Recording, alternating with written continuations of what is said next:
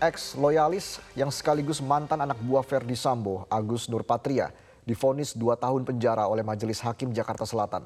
Sebelumnya Agus Nurpatria Adi Purnama yang merupakan mantan Kaden A Biro Paminal Propampori dituntut hukuman tiga tahun penjara oleh JPU. Agus Nurpatria Adi Purnama SIK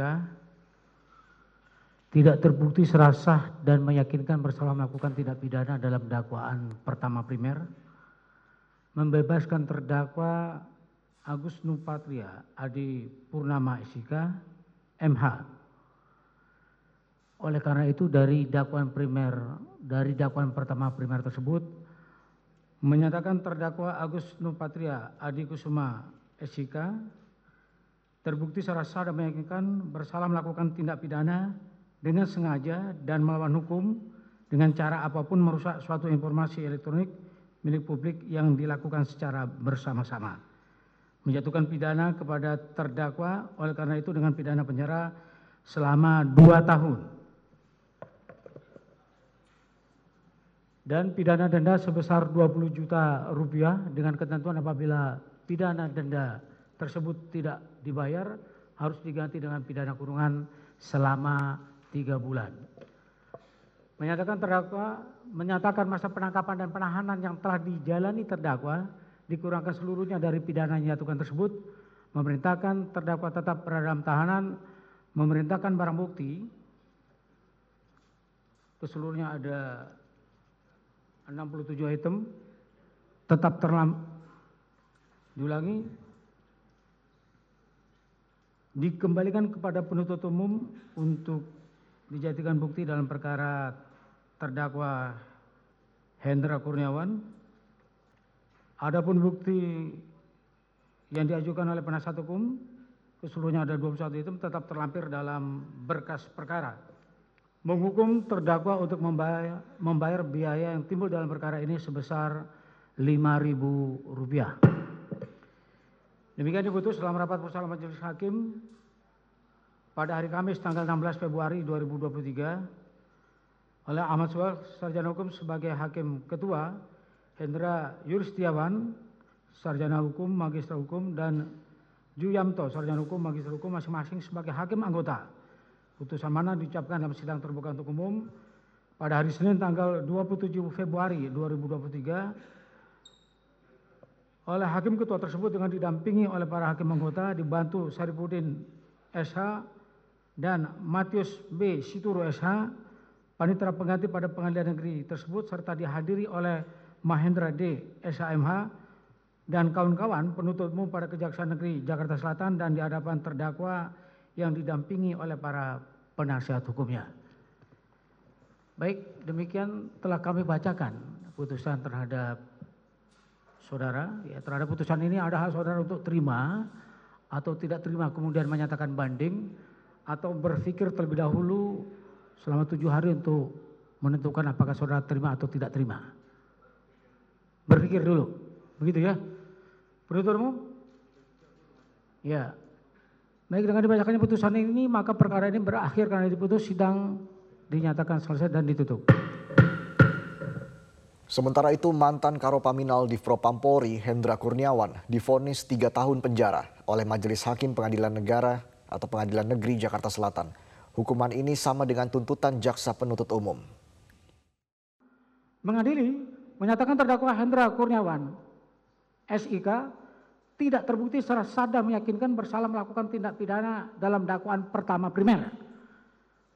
Membebaskan terdakwa Hendra Kurniawan SIK oleh karena itu dari dakwaan pertama primer tersebut menyatakan terdakwa Hendra Kurniawan SIK terbukti secara sah dan meyakinkan bersalah melakukan tindak pidana dengan sengaja dan tanpa hak dengan cara apa pun memindahkan suatu informasi milik publik yang dilakukan secara bersama-sama. Menjatuhkan pidana kepada terdakwa Hendra Kurniawan SIK oleh karena itu dengan pidana penjara selama tiga tahun dan pidana denda sebesar 20 juta rupiah dengan ketentuan bila pidana denda tersebut tidak dibayar maka harus diganti dengan pidana kurungan selama tiga bulan. Menetapkan masa penangkapan dan penahanan yang telah dijalani terdakwa dikurangkan seluruhnya dari pidana yang dijatuhkan tersebut, menetapkan terdakwa tetap berada dalam tahanan, menetapkan barang bukti yang seluruhnya dari penuntut umum sebanyak 67 item tetap terlampir dalam berkas perkara dan barang bukti dari penasihat hukum terdakwa yang seluruhnya ada 21 item tetap terlampir dalam berkas perkara membebankan biaya perkara kepada ia terdakwa sebesar Rp5.000.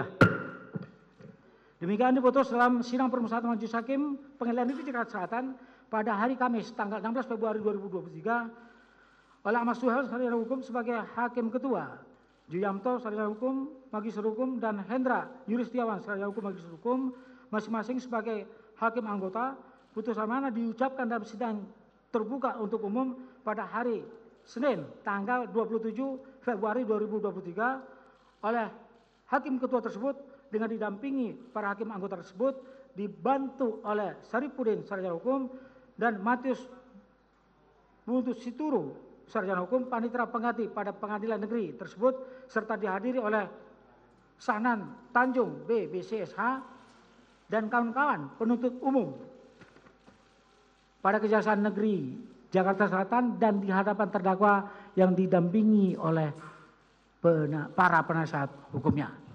Begitu ya. Sudah kami bacakan putusan ini sebagaimana yang sudah saudara dengar. Terhadap putusan ini ada hak saudara untuk terima atau tidak terima kemudian menyatakan banding atau berpikir terlebih dahulu selama tujuh hari untuk menentukan sikap. Sikap saudara? Pikir-pikir. Demikian juga penuntut umum. Begitu ya. Dengan dibacakannya putusan ini maka perkara ini berakhir karena diputus sidang selesai dan dinyatakan ditutup. Kuasa hukum Mario Dandi, Dolfi Rompas, menjenguk dan menyampaikan permintaan maaf kepada David dari Mario Dandi. Namun kuasa hukum Mario Dandi gagal bertemu dengan David. Kuasa hukum Mario Dandi yang datang ke Rumah Sakit Mayapada belum berhasil bertemu keluarga maupun David.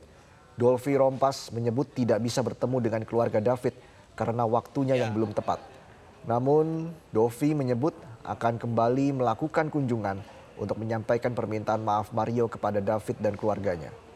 Kristalino David Ozora, korban penganiayaan anak mantan pejabat pajak hingga kini masih mendapatkan perawatan secara intensif di Rumah Sakit Mayapada Kuningan, Jakarta. Untuk mengetahui informasi selengkapnya, kita langsung bergabung dengan rekan Nurul Zenita. Nurul, bagaimana kondisi kesehatan terkini David Ozora? Rasa dan juga pemirsa berdasarkan informasi yang kami terima memang kondisi David saat ini memang berangsur sudah berangsur membaik. Dan juga karena uh, David ini sudah tidak menggunakan ventilator atau alat bantu pernafasan yang sebelumnya ia gunakan.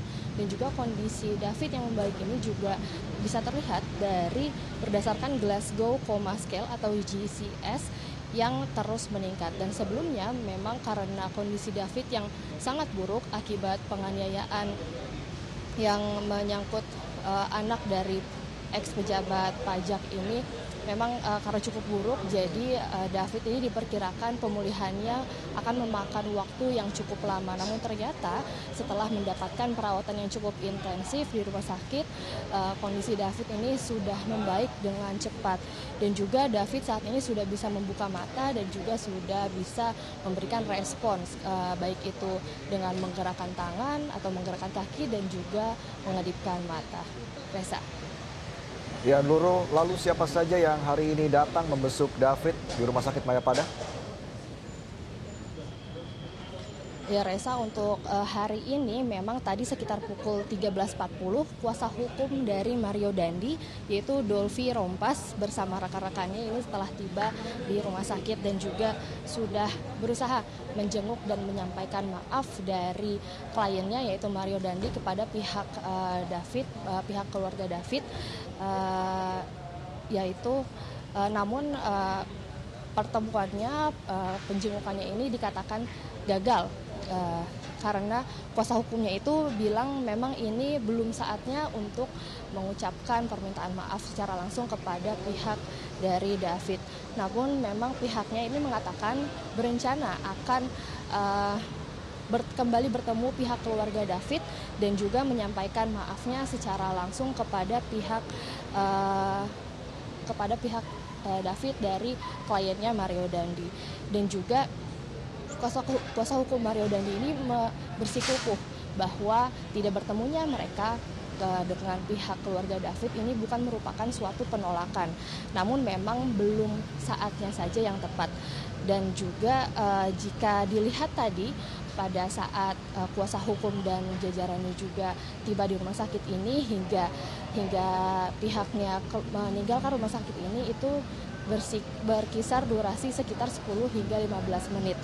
Dan juga sedangkan uh, di hari yang sama yaitu pada pukul setengah satu siang tadi, Ketua Yayasan Pangudi Luhur dan juga Kepala Sekolah Kepala Sekolah SMA Pangudi Luhur di mana David ini bersekolah juga sempat menjenguk David dan juga bertemu kepada pihak keluarga David khususnya ayah David yaitu Jonathan Latumahina dan ketua yayasan ini e, mengatakan bahwa kondisi David saat ini memang sudah membaik namun uh, pihaknya beserta jajarannya ini tidak bisa melihat kondisi David secara langsung karena David saat ini masih berada di ruang ICU.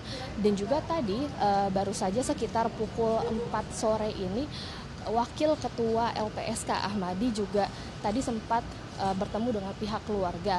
Ia mengatakan bahwa uh, memang dari pihak keluarga David ini mengajukan kepada LPSK uh, untuk perlindungan uh, David sebagai korban dari kasus penganiayaan ini.